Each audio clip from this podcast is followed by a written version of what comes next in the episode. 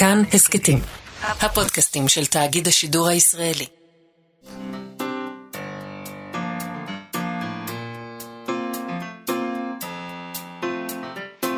מה שכרוך עם יובל אביבי ומה יעשה לה.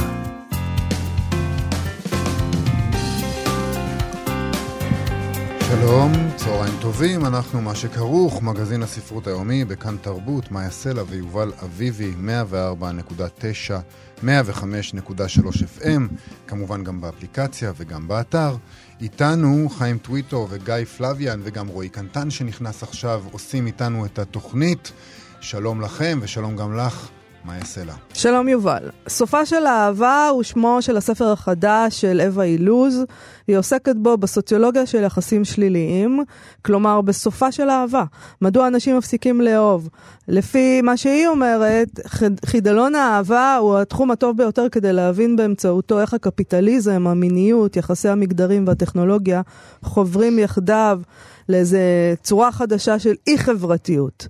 אז אנחנו נדבר היום עם פרופסור אווה אילוז על כמה מהסוגיות שעולות בספר, כל זה לקראת uh, שיחה שתהיה איתה מחר uh, במכון ון ליר, בזום כמובן, ניתן את כל הפרטים עוד מעט. אנחנו נדבר גם עם גיל ססובר שלנו על ספר התענוגות של עמוס קינן, ספר שבעיני גיל ססובר צריך לזכור ולהזכיר, אני מסכימה איתו. אז נזכיר ונזכור.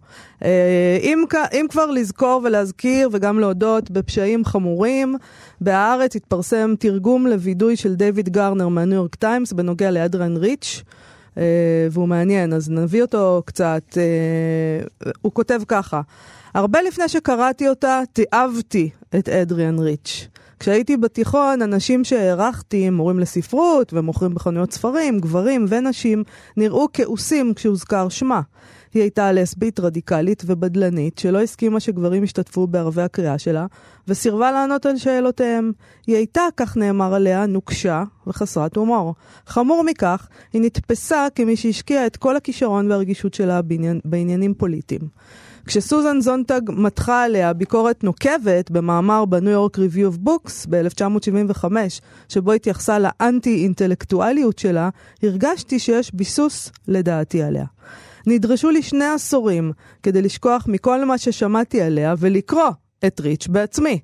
מצאתי הרבה מאוד עוצמה בשירים שלה, שיש בהם חיוניות והשפעה כמו אלה של סילביה פלט ואליזבת בישופ. התחלתי להעריך, גם אם באיחור, מדוע כתיבתה בשנות ה-70 וה-80 הייתה הכרחית כל כך לגל השני של הפמיניסטיות ושל רבים אחרים. שמונה שנים אחרי מותה של ריץ', בגיל 82 הוא מספר לנו, מותה מתה לפני שמונה שנים. יוצא כעת בארצות הברית אה, ספר של הילרי הולדיי, שמאפשר לקוראים אה, לפגוש את המשוררת הדוקרנית הזאת במלואה, טריה ורעננה. קוראים לו The Power of Adrian Rich, הכוח של, או העוצמה של אדריאן ריץ'. זוהי הביוגרפיה הראשונה המקיפה אה, עליה, ויש בה הרבה מה לקרוא, זה סיפור טוב המסופר היטב. וזה מאוד מעניין כמובן שהוא הוא, הוא מודה שהוא שנא אותה לפני שהוא קרא אותה. הוא מביא גם קצת מהסיפור של ריץ', הוא מספר שהיא הייתה ילדת פלא, ניגנה מוצרט בפסנתר, הקריאה אה, אה, ספרים בגיל ארבע. אבא שלה היה אה, פתולוג בבית חולים בבולטימור, והוא היה מודע לגאונותה, הוא שלט בחינוך שלה, ודחק בה לעבוד קשה כדי להשתפר. רוב הזמן היא נהנתה מהדרישות של האבא שלה, והיא הייתה תלמידה מבריקה.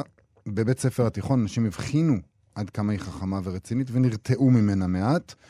בזמן uh, uh, שהותה ברדקליף קולג' היא למדה במחזור 1951 עם הסופרות אורסולה לגווין ורונה ג'אפה. היא הוציאה שם uh, את קובץ השירים הראשון שלה. הספר קיבל שבחים מ-W.H. אודן המשורר וראה אור בסדרת המשוררים הצעירים של אוניברסיטת יייל. ריץ' נודעה בעוצמה שלה בערבי קריאה ומשכה קהל רב. אדם אחד שלא התרשם ממנה היה ג'ון סיימון, שהיה ידוע בביקורות הנוקשות שלו על ספרות וקולנוע. על ערב קריאה שלה באוניברסיטת הרווארד ב-52 הוא כתב, כדי להעריך את זה צריך שילוב של התכונות שהיו להומורס ובטהובן, חרשות ועיוורון. הוא כותב, אה, גרנר, שהיא לא נולדה מרדנית. היא נעלה נעלי עקב בזמן לימודיה ברדקליף קולג', בזמן שנשים אחרות נעלו נעליים פשוטות יותר ורצו להתחתן וללדת בגיל צעיר. היא התארסה עם איש צעיר מהרווארד שלבש מעיל וקשר עניבה לצווארו מדי יום. כשהיא החליטה לבטל את האירוסים, הוא נשבר ולקה בהפרעה נפשית שליוותה אותו כל חייו. לאובדן של ריץ' מתברר עלולה להיות השפעה הרסנית, כאשר שנים אחר כך הודיעה שהיא עוזבת את בעלה, הכלכלן אלפרד קונארד, ואת שלושת בניהם הצעירים, הוא נסע לוורמונט ושם קץ לחייו ליד בית הקיץ שלהם. היא פגשה את קונארד לפני שעזבה לאוקספורד, היכן שלמדה וכתבה. היא השתתפה שם בערבי קריאה, שבהם הקריאו גם המשוררים דונלד הול וג'פרי היל. היא החלה לפרסם שירים בניו יורקר, דבר לא שכיח אז במגזין בשביל משוררים בשנות ה-20 לחייהם. היא אפילו קיבלה שכר על כך. ריץ' וקונרד נישאו ב-1953 ועברו לגור בניו יורק. הוא לימד באוניברסיטה בעיר, היא לימדה בבתי ספר וכתבה. בראשית שנות ה-60 שניהם נהפכו לפוליטיים מאוד. היא סבלה מדלקת פרקים שגרונית מאז שנות ה-20 לחייה, ולכן לא יצאה להפגנות, אבל הוא השתתף ברבות מהן. ההתעוררות הפוליטית שלה הייתה פמיניסטית. היא התחילה לראות באבא שלה פטריארך רודני, לטוב ולרע. היא ראתה כיצד אוניברסיטת הרווארד מעבירה נשים לרדקליף קולג', היא הבינה שהיא משוררת בעולם שרובו מורכב ממשוררים, היא גילתה עד כמה קשה להתחמק מהשוביניזם הגברי. הנישואים של אבא של קונרד התחילו להישחק. הביוגרפיה מובילה לסצנה ב-1970, שבה אדריאן ריץ' הצהירה בפני בעלה וחבריה, בהם המשורר הרמן קארוט, שהיא מתכננת למסור את כלי הבית ולבשל פחות. זה היה הצעד הראשון, הוא טוען, לקראת חיים חדשים. מערכת היחסים הרצינית הראשונה שלה עם אישה הייתה עם הפסיכואנליטיקאית שלה, המבוגרת ממנה, לילי אנגלר, שאנגלר שכבה עם סוזן סונטג, כפי שריץ' הייתה שוכבת עימה. הקשר של השתיים הוביל לשירים שבהם ריץ' יצאה מהארון כלסבית, והאירוטיות בהם הייתה רדיקלית מאוד לזמנה. היא כתבה בשפה בוטה ותיארה את המערה הרטובה שלי. המיניות של אה, ריץ' הייתה חזקה ומורכבת, לה ולקונרד היו אה, במשך אה, תקופה נישואים פתוחים. אה, היא שכבה עם המשורר אה, רוברט לואל ואחרים. בהמשך אה, ניהלה רומן עם המשוררת ג'ון ג'ורדן, אחרי שריץ' עזבה אותה, היא שילמה לה על טיפול פסיכולוגי. חברתה אודרי לורד פיתתה אותה, אך היא העדיפה להישאר עימה בקשרי חברות בלבד. ב-1976 היא התאהבה, ריץ', בסופר ממוצא ג'מייקני, בסופרת מישל קליף, שהייתה גם עורכת בהוצאת נורטון, שבה יצאו אה, ספריה. הקשר ביניהן נמשך על פני העשורים האחרונים של חייה של ריץ'. בשנים האחרונות לחייה החלה ריץ' להתעניין במוצאה היהודי, היא דיברה על כך אה, שאביה ניסה להסתיר אותו, אה, שם משפחתה שונה זמן רב לפני כן, לפני כן מרייך לריץ'. באחד ממאמריה היא נזכרת ביומני החדשות שבהם צפתה בהיותה צעירה אה, על מחנות ההשמדה. ותהתה, האם הגברים והנשים האלה זה אנחנו או הם? אה, אוקיי, אז מצאתי תרגום, אה, יש מעט מאוד תרגומים שלה לעברית, אה, ומצאתי אחד כזה של ערן צלגוב, לשיר שנקרא איזה מין זמנים הם אלה. אז אני אקרא אותו, אוקיי? כן. איזה מין זמנים הם אלה? ישנו מקום בין שורות עצים בו העשב צומח במעלה הגבעה, והדרך המהפכנית הישנה נשברת אל תוך הצללים, ליד בית המפגש שננטש על ידי הנרדפים, שנעלמו אל תוך אותם צללים. הלכתי שם כותפת פטריות על סף האימה, אך אל תטעו, זה אינו שיר רוסטי. זה לא אי שם, אלא כאן. ארצנו מתקרבת והולכת אל האמת והאימה שלה. לדרכיה שלה להעלים אנשים. לא אספר לכם היכן המקום שוכן, בסבך האפל של העצים, הפוגש רצועת אור בלתי מסומנת. הצטלבות רדופת שדים, עדן של עלים מעופשים.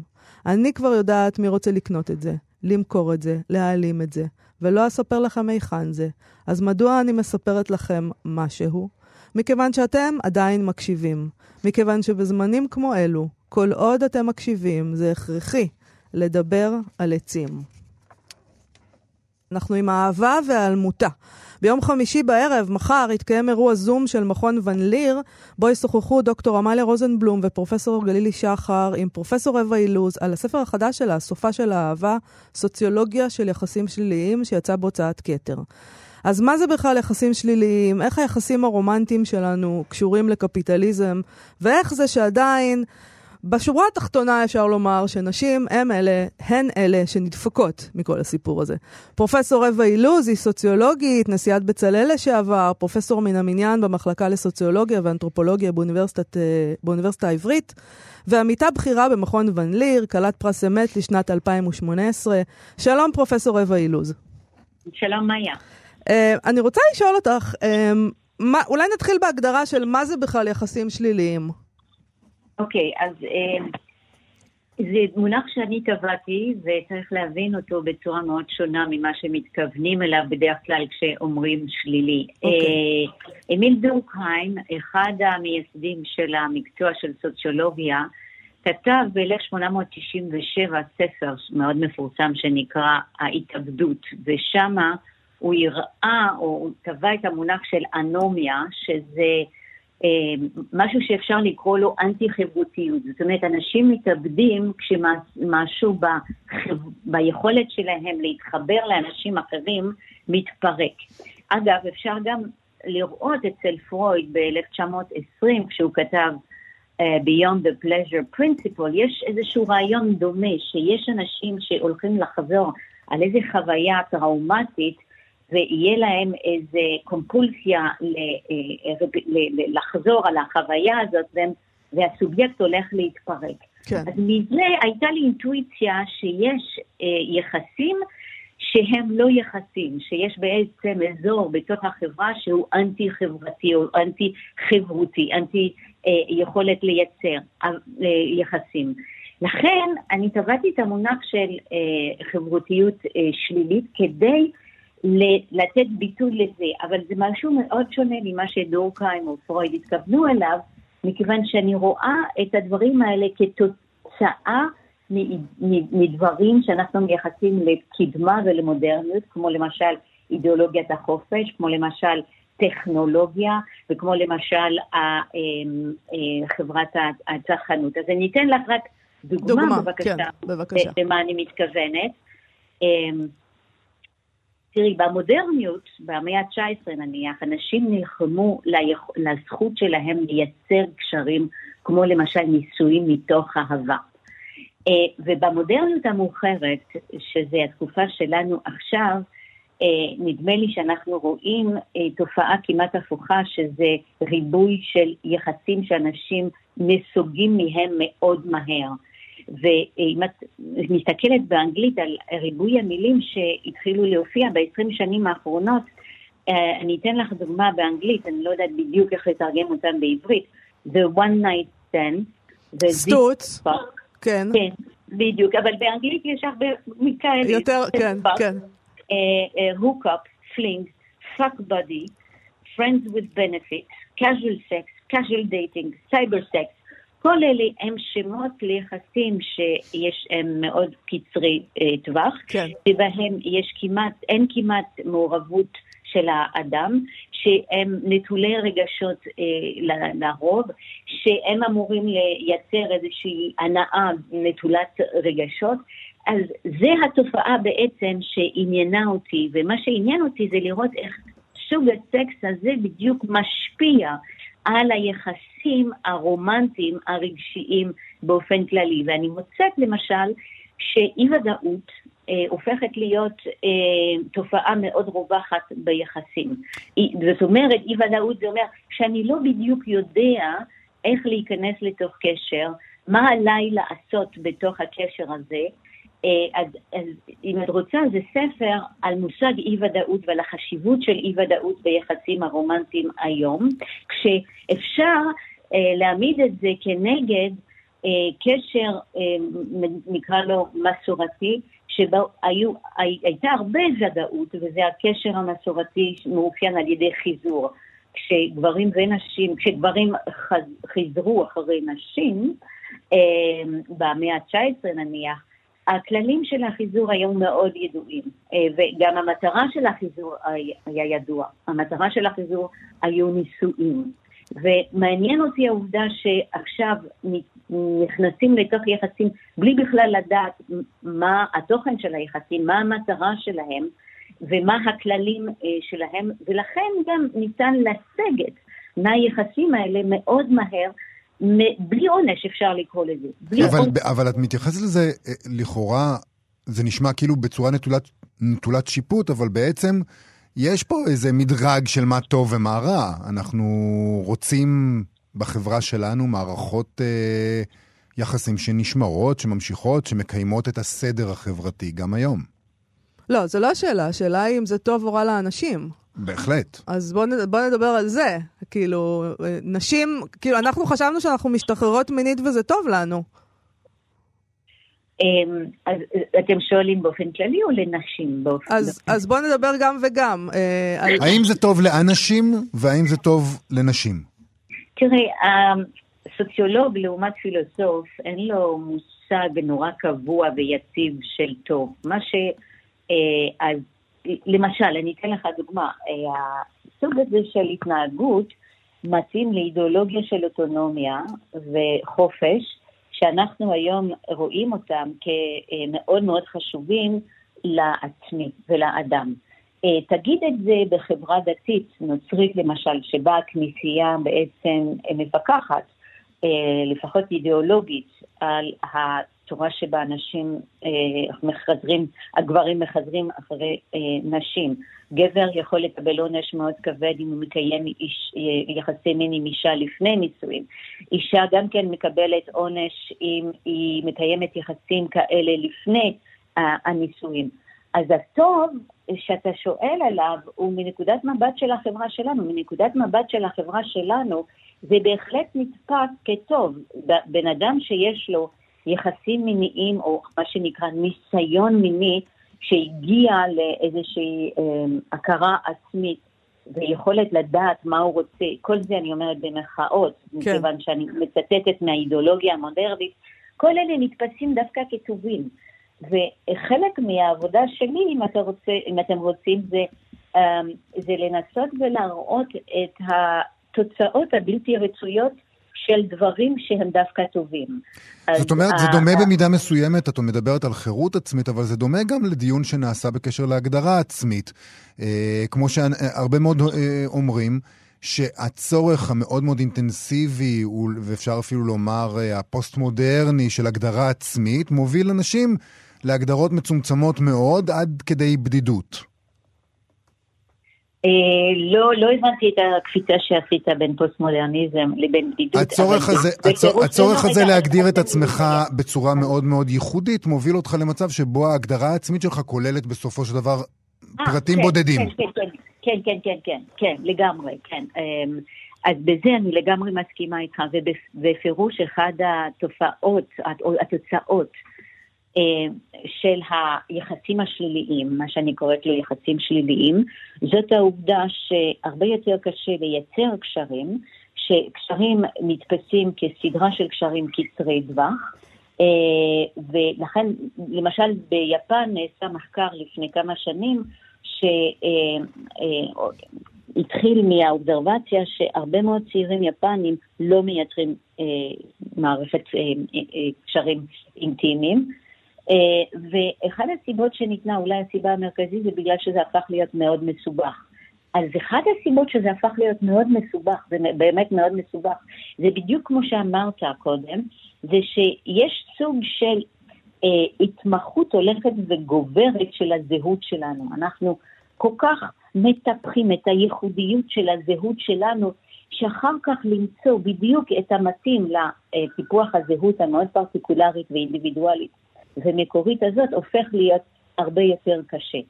אה, ואחד התוצאות, התוצאה השנייה זה באמת, כמו שאמרת, אה, אה, בדידות הרבה יותר גבוהה. אנחנו יודעים שלפני כמה שנים בארצות הברית מספר המשקי בית שבהם יש רק אדם אחד עבר מספרית את מספר המשקי בית שיש יותר מאדם אחד, זאת אומרת, וזה כולל את כולם. מדהים, אומרת, נתון. מדהים ממש, לא כן, לא ידעתי כן, את זה. כן, כן, כן, ולכן באמת, אה, אגב, באנגליה גם כן, לפני כמה שנים אה, הקימו אה, משרד הבדידות. זה נחשב למגפה חברתית כל כך חמורה, שהקימו ממש משרד. אז, אז התופעה הזאת שאני מתארת אותה, היא אולי פחות מורגשת בקונטקסט הישראלי, אבל היא מאוד מורגשת, אני חושבת, באירופה ובארצות הברית. והיא עלולה לשנות לגמרי את, ה, אמ, את המרכזיות ואת האיתנות של מוסד המשפחה, אה, כאשר אנחנו יודעים שגם לזה יש תוצאות אחר כך מרחיקות אה, לכת, למשל, אה, דמוגרפית. אנחנו יודעים שהכלכלה תלויה גם בדמוגרפיה. ואם המשפחה, והמשפחה זה היכולת להביא ילדים באיזשהו קשר יציב אה, אה, נפגעת, אז יש לזה תוצאות גם על דמוגרפיה, על דפוסים דמוגרפיים. ואני רוצה לשאול אותך, למה נשים בעצם יותר נפגעות מהדבר הזה מאשר גברים? אוקיי, אז אני, אה, אז קודם כל תנסי לדמיין מה זה נישואים בעולם פרה-מודרני. זה כלכלית שהיא חשובה לגברים ולנשים באותה מידה. ולכן לנשים יש הרבה מאוד כוח במשא ומתן הזה, ואני הייתי אומרת שאפילו יש הרבה מקרים שבהם זה אפילו יותר חשוב לגברים, מכיוון שרק כשגבר הוא, הוא, הוא, הוא יכול להיות בעל איזה פיסת אדמה, להיות בעל של אישה ולשלוט על ילדים, אישה ו, אה, ומשרתים, אז הוא נכנס באמת לתפקיד הפטריארג שלו. נישואים מאוד מאוד חשובים לגברים. כן. בקפיטליזם כל הדבר הזה משתנה לגמרי בגלל שגברים לא צריכים יותר אה, את הנישואים בכלל, הם יוצאים לעבוד ולכן הנישואים מאבדים את ההגדרה הכלכלית שלהם. והם עושים את זה 150 שנה לפני נשים, כך שבשביל נשים הנישואים שומרים עדיין את החשיבות המרכזית, החברתית סלאש כלכלית שלהם הרבה יותר זמן. עד שנות ה-70 זה קריטי לנשים להתחתן, גם מסיבות רגשיות, אבל בעיקר מסיבות חברתיות וכלכליות, בעוד שלגברים זה הופך להיות, אה, אה, אפשר להגיד, אופציונלי, או לפחות לא נחוץ להישרדות הכלכלית-חברתית שלהם. אז רק שמה כבר את רואה שיש איזו אסימטריה בין גברים ונשים כשהם ניגשים למה שנקרא אה, שוק הנישואים. שתיים, אפשר גם אה, לראות שנשים וגברים כשהם נפגשים, אה, נפגשים עם, אה, איך אני אגיד את זה, עם פסיכולוגיות מאוד מאוד שונות, כן. פסיכולוגיות שנובעות מהתפקידים החברתיים המאוד שונים שלהם. למה? נשים רגילות לטפל באחרים. הם בעבודות שלהם, גם בחוץ וגם בפנים, זה עבודה של מה שאנחנו קוראים לו באנגלית care. זה care לאחרים. אחיות למשל, זה נשים לרוב, הם they care for others. זה אומר שנשים ניגשים ליחסים באופן כללי עם אוריינטציה רגשית. לעומת זאת, אנחנו יודעים שגבריות נמדדת ומוגדרת בין השאר על ידי היכולת לצבור הרבה פרטנרים מיניים, כך שגברים ניגשים למיניות עם הרבה פחות השקעה רגשית. אז הדבר הזה, הקלישאה הזאת היא למעשה די נכונה. מי שיותר מושקע רגשית בכל קשר הוא למעשה נחות. הוא, אה, הוא נחות לעומת זה שלא מושקע אה, רגשית. שלוש, אפשר להגיד שבגלל אידיאלים של אה, יופי, אה, צעירות, אה, שמתחילים להופיע בתקופה המודרנית דרך הפרסומת ודרך הקולנוע, אז אה, הביקוש של אה, גברים עשירים עם הרבה כוח ולנשים צעירות. כן. תסתכלי על טראמפ. טראמפ למשל, טראמפ ומלניה זה דוגמה פר אקסלנס של הזוג אה, הקלאסי. יש לו כסף, יש לה צעירות ויופי, וזה אומר שלגברים יש מדגמים הרבה יותר גדולים לבחור מהם. זאת אומרת, אם בן אדם בן 70 יכול לבחור אה, נשים, נניח, מ, כמו שזה המצב, מגיל 40 עד גיל 70 או 80 אפילו, למה לא?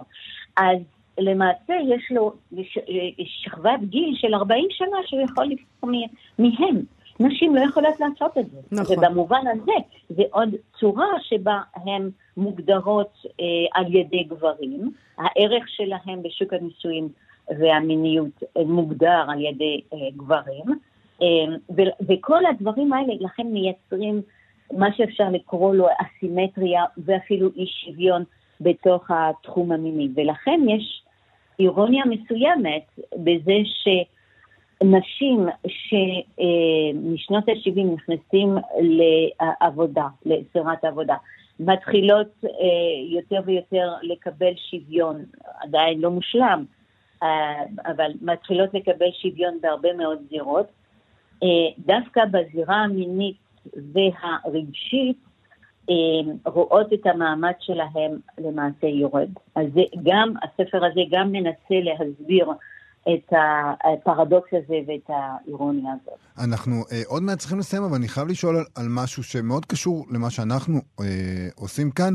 אחד הדברים שאת אומרת זה שהדברים האלה, התהליכים האלה, הרבה פעמים לא מתבטאים בהכרח בחקיקה או בבתי משפט, אלא מקבלים ביטוי דווקא אה, בשדה האומנות והתרבות, ואת משתמשת הרבה מאוד בספרים, ש, אה, ומראה כיצד...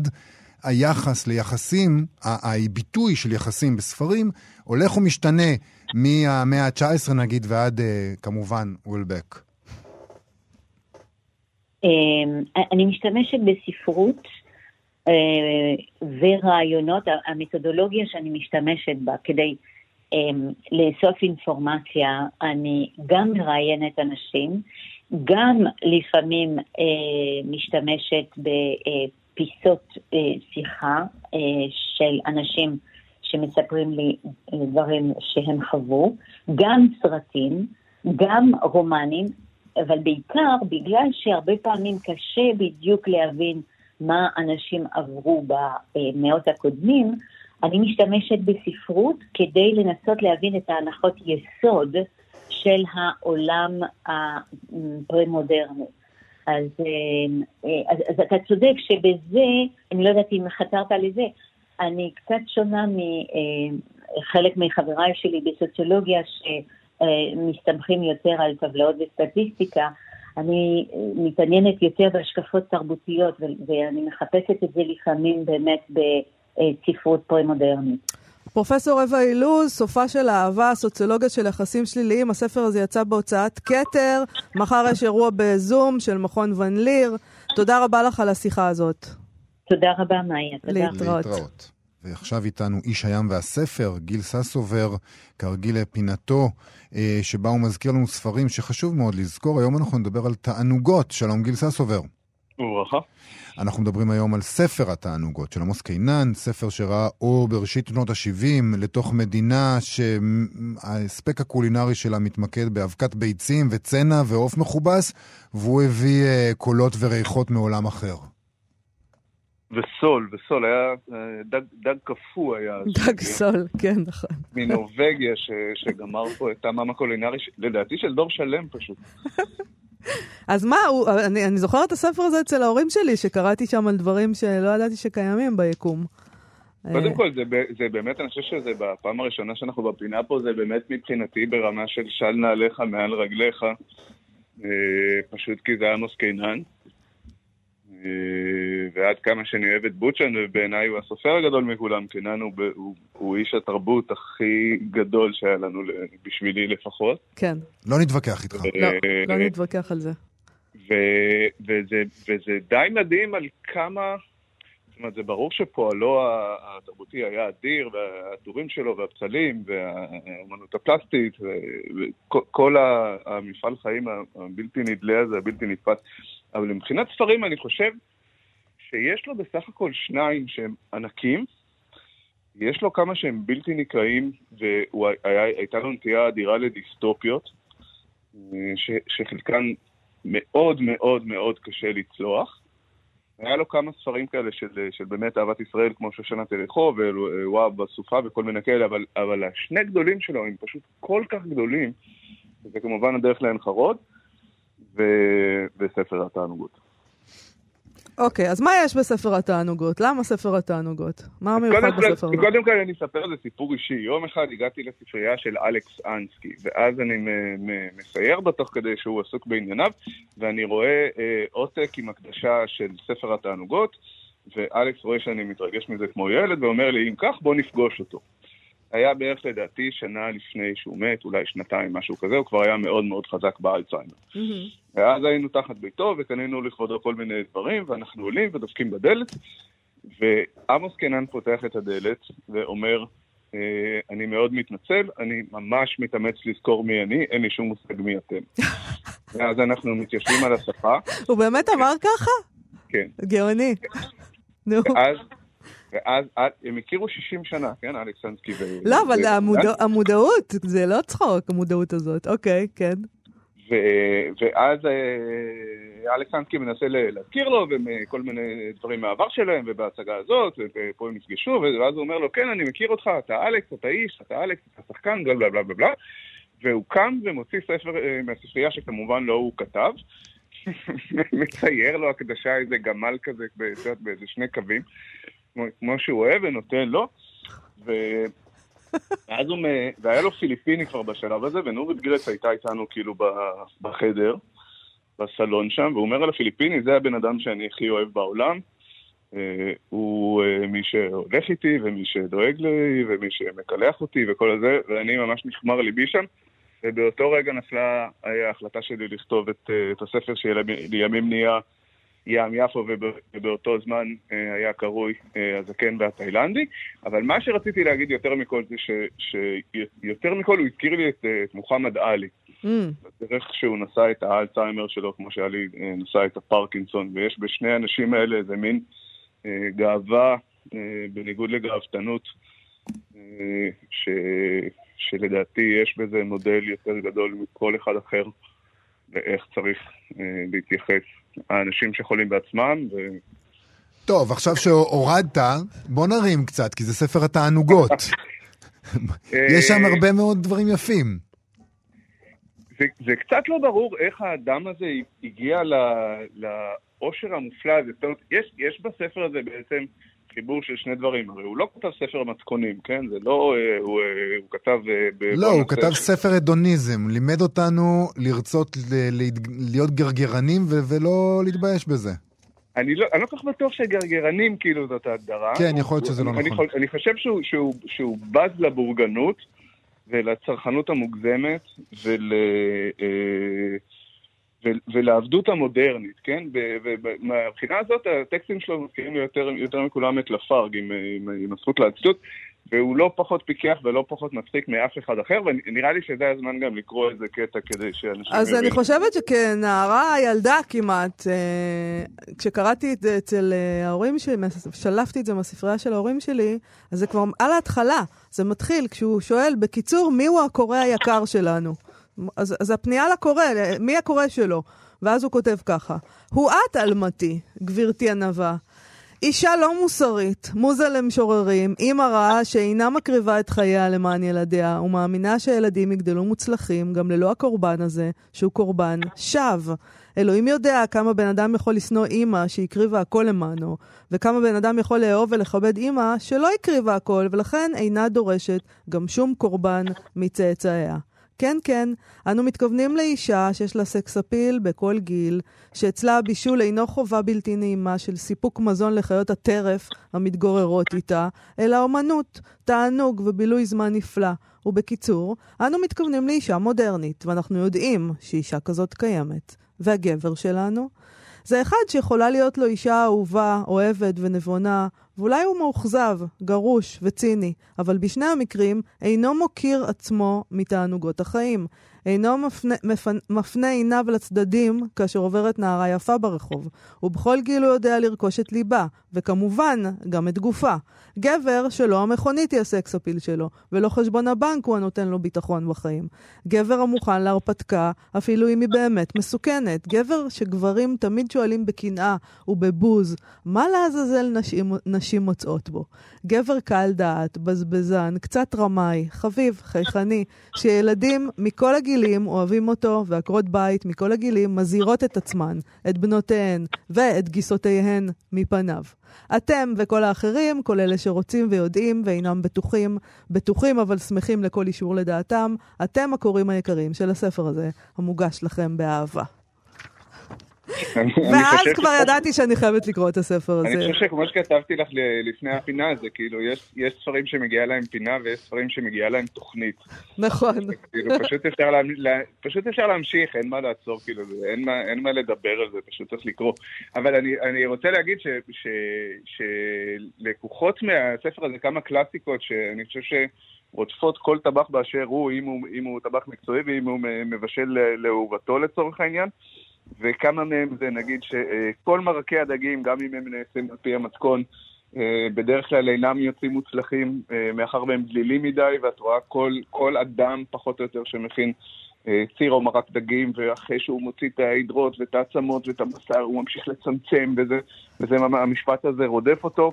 ויש את הקטע שהוא כותב שכמובן שכל טבח נבחן אה, בחביתה ובסטייק, ונזכיר בהזדמנות הזאת שאת הספר כמובן הוא הקדיש לנמסיס שלו, דן בן אמוץ, לאדם שידע להכין חביתה וסטייק, והוא מטיף לכך אה, שיין, אה, שרק סיל ועיוול וחיוור ופיסח אה, יכול לשתות, סליחה אם פגעתי במישהו, יכול לשתות יין בשביל להרבות את סימונו, כי היין הוא, הוא תבלין במקרה הטוב או חלק ב, במקרה היותר גדול, ורק מים ומים דקים, והוא בז למים שמלאים ב... ושאר צינורות שאנחנו שותים אצלנו בבוזים. והוא אחד מאלה שהטיפו כן לשתות אה, מי מעיין גם אם הם מגיעים בבקבוק מאביאן לצורך העניין.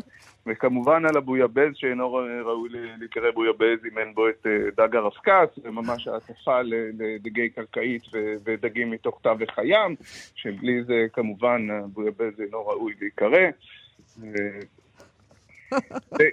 זה, זה כאילו, זה כאילו אתה תופס את הראש ואתה אומר, מה, זה יכול להיות בכלל שכאילו עמוס היה כאילו האבא של הקולינריה הישראלית, ולאו דווקא נגיד שאול עברון, כן? נכון.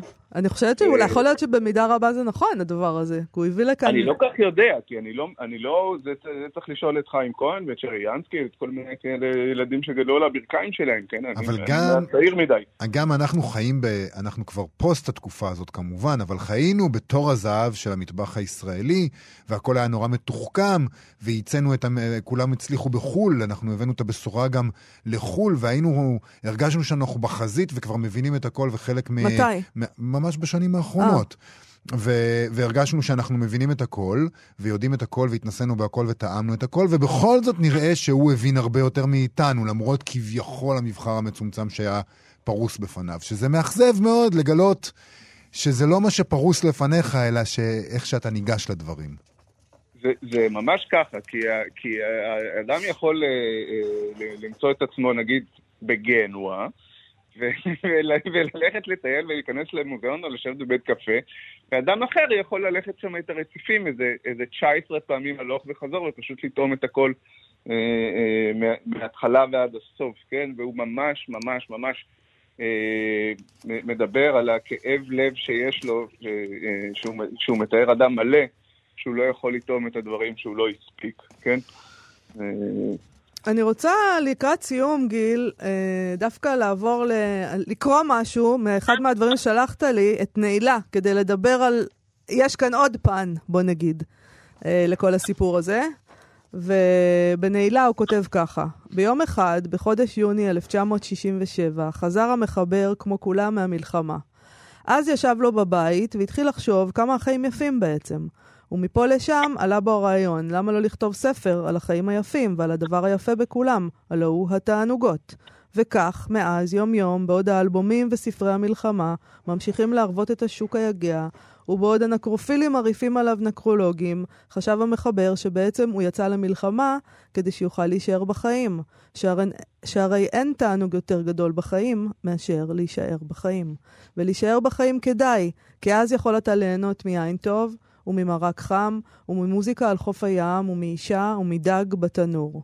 בכל הכנות, מוקדשים הדפים האלה לאלה שהלכו ולא חזרו, כדי שכולנו הנותרים נוכל להמשיך ליהנות מן החיים, כי זה בעצם כל מה שרצינו. שזה איזה מין דבר כאילו שתמיד, כאילו בתשתית של כל הדברים פה בארץ הזאת, תמיד יש איזו מלחמה. איזה עצב, אבל גם הוא, הוא, הוא ממש אומר פה דברי כפירה באיזשהו אופן. אני, אני, אני חושב, אם לחזור למה שיובל ביקש ממני לעשות בהתחלה, אז אני דווקא כן אחזור אל, ה, אל הנמוך, אל העמק ואל הוואדי, ואני אגיד שלדעתי, כן, אה, רק אדם שהוא היה אכול מבפנים, ובסופו של דבר יושב עם עצמו ועם איזה בקבוק ברנדי זול, איזה אקסטרה פיין, אה, ושותה את עצמו למוות, וחושב על החיים יכול לכתוב ספר כזה, כי הרי אם בן אדם באמת היה עסוק בלהכין אה, חביתה וסטייק וסלבים וארנבות ושוקרות ועגבניות מעושנות אה, וכן הלאה וכן הלאה, הוא לא היה כותב את ספר תענוגות, כן? הוא אולי היה כותב ספר מתכונים במקרה הטוב. כן. ו- ועמוס אה, היה כזה, זאת אומרת, הוא היה...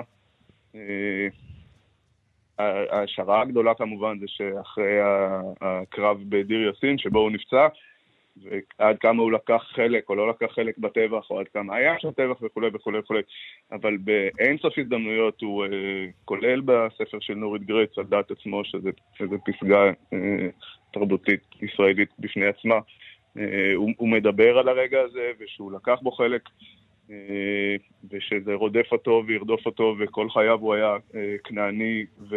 אה, עם הפלסטינים, והוא היה יחד עם אורי אבנרי מבין הראשונים לגשת אל הפלסטינים, ותמיד תמך בשלום ולהחזיר את האדמות, ורק רצה להיות, אה, אה, ולהיות פה כנעני, להיות, בין, להיות באמת בן המקום, כן? אה, לדרוך ב, ב, ב, בדרך לעין חרוד, אולי יותר מכל ספר אחר, יש את התחושה הזאת, שהוא הולך שם עם, עם הערבים, הפלסטיני. ו- ואתה ממש מרגיש איך הוא, איך הוא דורך על כל, על כל קוץ ועל כל סלע ועל כל דרדר. וכמי כמי שעשה את זה כל חייו, הוא לא רק הטיף לזה, הוא, הוא ממש הלך את האדמה ורצה להיות חלק ממנה. נכון. אה, וזהו, וזה, וזה מאוד מאוד עצוב, ש... את מה שאמרת, שכאילו, שבעצם בסוף אה, הספר הזה הוא כמו איזה גלי או מצבה. כן, שבתשתית של כל דבר אצלנו יש מלחמה, גיל ססובר. אבל אנחנו לא נוותר על ליהנות מאוד מאוד מהספר הזה, למרות שגמרנו בטונים הקשים של המלחמה. כן, הוא, הוא כל כך פיקח וכל כך מצחיק, ו, ויצאו מהדורות שניות ושלישיות וחדשות של, של הספר הזה, והוא באמת... אה, הוא, ה, הוא הגדול מכולם. תודה טוב רבה. שהזכרת לנו אותו. גיל ססובר, תודה רבה לך. ביי, יום טוב. להתראות. ואנחנו אה, מסיימים עם בלוג של מכון גנזים, אה, שהעלו מכתב, אה, מכתב קטלני של ברוך קורצווייל, חוקר ומבקר הספרות האימתני.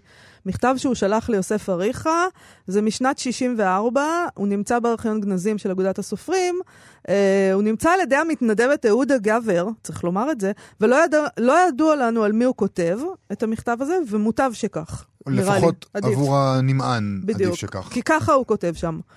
Uh, קראתי את דברי הגרפומן, וסבורני שעניין לנו עם תופעה פתולוגית. דעתי הייתה תמיד שציבור הסופרים הוותיק גילה סבלנות יתרה לגבי כל תופעות דומות. אם ועד אגודת הסופרים העמיד את בית צ'רניחובסקי לרשות האדונים הללו ולמבקריהם, שהם החסידים של ספרות זו, אם הוועד, או מי לא, מזמינים את אלה הדואגים לכנס את השירים של האדון המסוים על ידי הוצאת ספרים מכובדת, אז אין תימה עם פסיכופטים בעלי ותק משתוללים במוספים הספרותיים. במקרה זה ובמקרים דומים אפשריות שתי תגובות בלבד. קו עקבי וגאה נגד החוצפה היומרנית, ללא פשרה, ללא סלחנות, של חולשה לגבי יצירת צעירים, הוא כותב במרכאות, יצירת צעירים. מה שנאבד זהו המשך דרך ארץ. מה שנאבד זוהי התודעה הברורה של חובת יצירה למען ערכים ש... ש... ששווה לחיות אותם. ובאם המצב הוא, כמו אצלנו, היינו בהיעדר קו רוחני תרבותי, נשארת לבודדים רק הדרך להתעלם מכל העסקנות למיניה. הנני מקווה שאתה מבין לרוחי. בברכה ובידידות, ברוך קורצווייל. אני חושב שהוא היה מוצא את מקומו יפה מאוד uh, בקרבנו היום. פסיכופטים בעלי ותק שמשתוללים במוספים הספרותיים. כן. זה כן, זה יכול uh, בהחלט... Uh, זה בפייסבוק לגמרי. זה מתאים לכל עת. למכתב, לפייסבוק, לטוויטר, נכון. ממש ממש מושלם. אוקיי. אתה רוצה לעשות המלצות קצת? כן, נעשה אוקיי, המלצות. אוקיי, כרגיל, בימי רביעי אנחנו מסיימים כמה המלצות ספרותיות לסוף השבוע. אה, היום בשעה שבע בעמוד הפייסבוק של מכון ליאו בק בירושלים ישדרו בשידור חי ערב לרגל צאתה לאור של הביוגרפיה של מרטין בובר מאת פול מנדס פלור והתרגום לערבית של ספרו של בובר ארץ לשני עמים.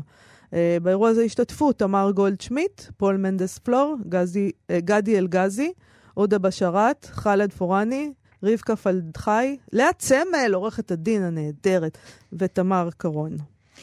מחר, יום חמישי, בשעה תשע בערב, בזום של אגודת הסופרים העבריים, יקיימו אירוע במסגרת הסדרה שירה אל תוך הלילה.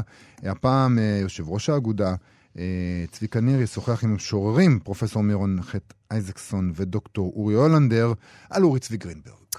ביום שבת בשמונה בערב התקיים מפגש עם דוקטור איתן בולוקן, גליל אהרון פדר, עמית ונעמה שקד, שיוקדש לאלף דלת גורדון ובודהיזם. מעניין. אירוע ראשון בסדרת אירועים לקראת צאת הספר החדש, אם נדע לבקש חיים, אסופה של התייחסויות עכשוויות ואקטואליות להגותו של גורדון. האירוע יועבר בשידור חי. אה, בדף הפייסבוק של המגזין כביש 1. אני אזכיר שמחר יש גם את האירוע של מכון ון ליר עם פרופסור אווה אילוז. אה, שאיתה דיברנו היום. נכון. וזה זמננו לסיים. נכון, נגיד תודה רבה לחיים טוויטו ולרועי קנטן שעשו איתנו את התוכנת, התוכנית, ונזמין אתכם כרגיל לעמוד הפייסבוק שלנו ולעמוד הפייסבוק של כאן תרבות. אחרינו, המעבדה עם גיל מרקוביץ', ואנחנו מסיימים לשבוע, מחר יום חמישי, נכון? לקט. מחר יהיה לקט, אל תדאגו. נכון. אה, אבל נחזור בשידור חי אה, ביום ראשון, אז בינתיים יהיה סוף שבוע נעים. להתראות.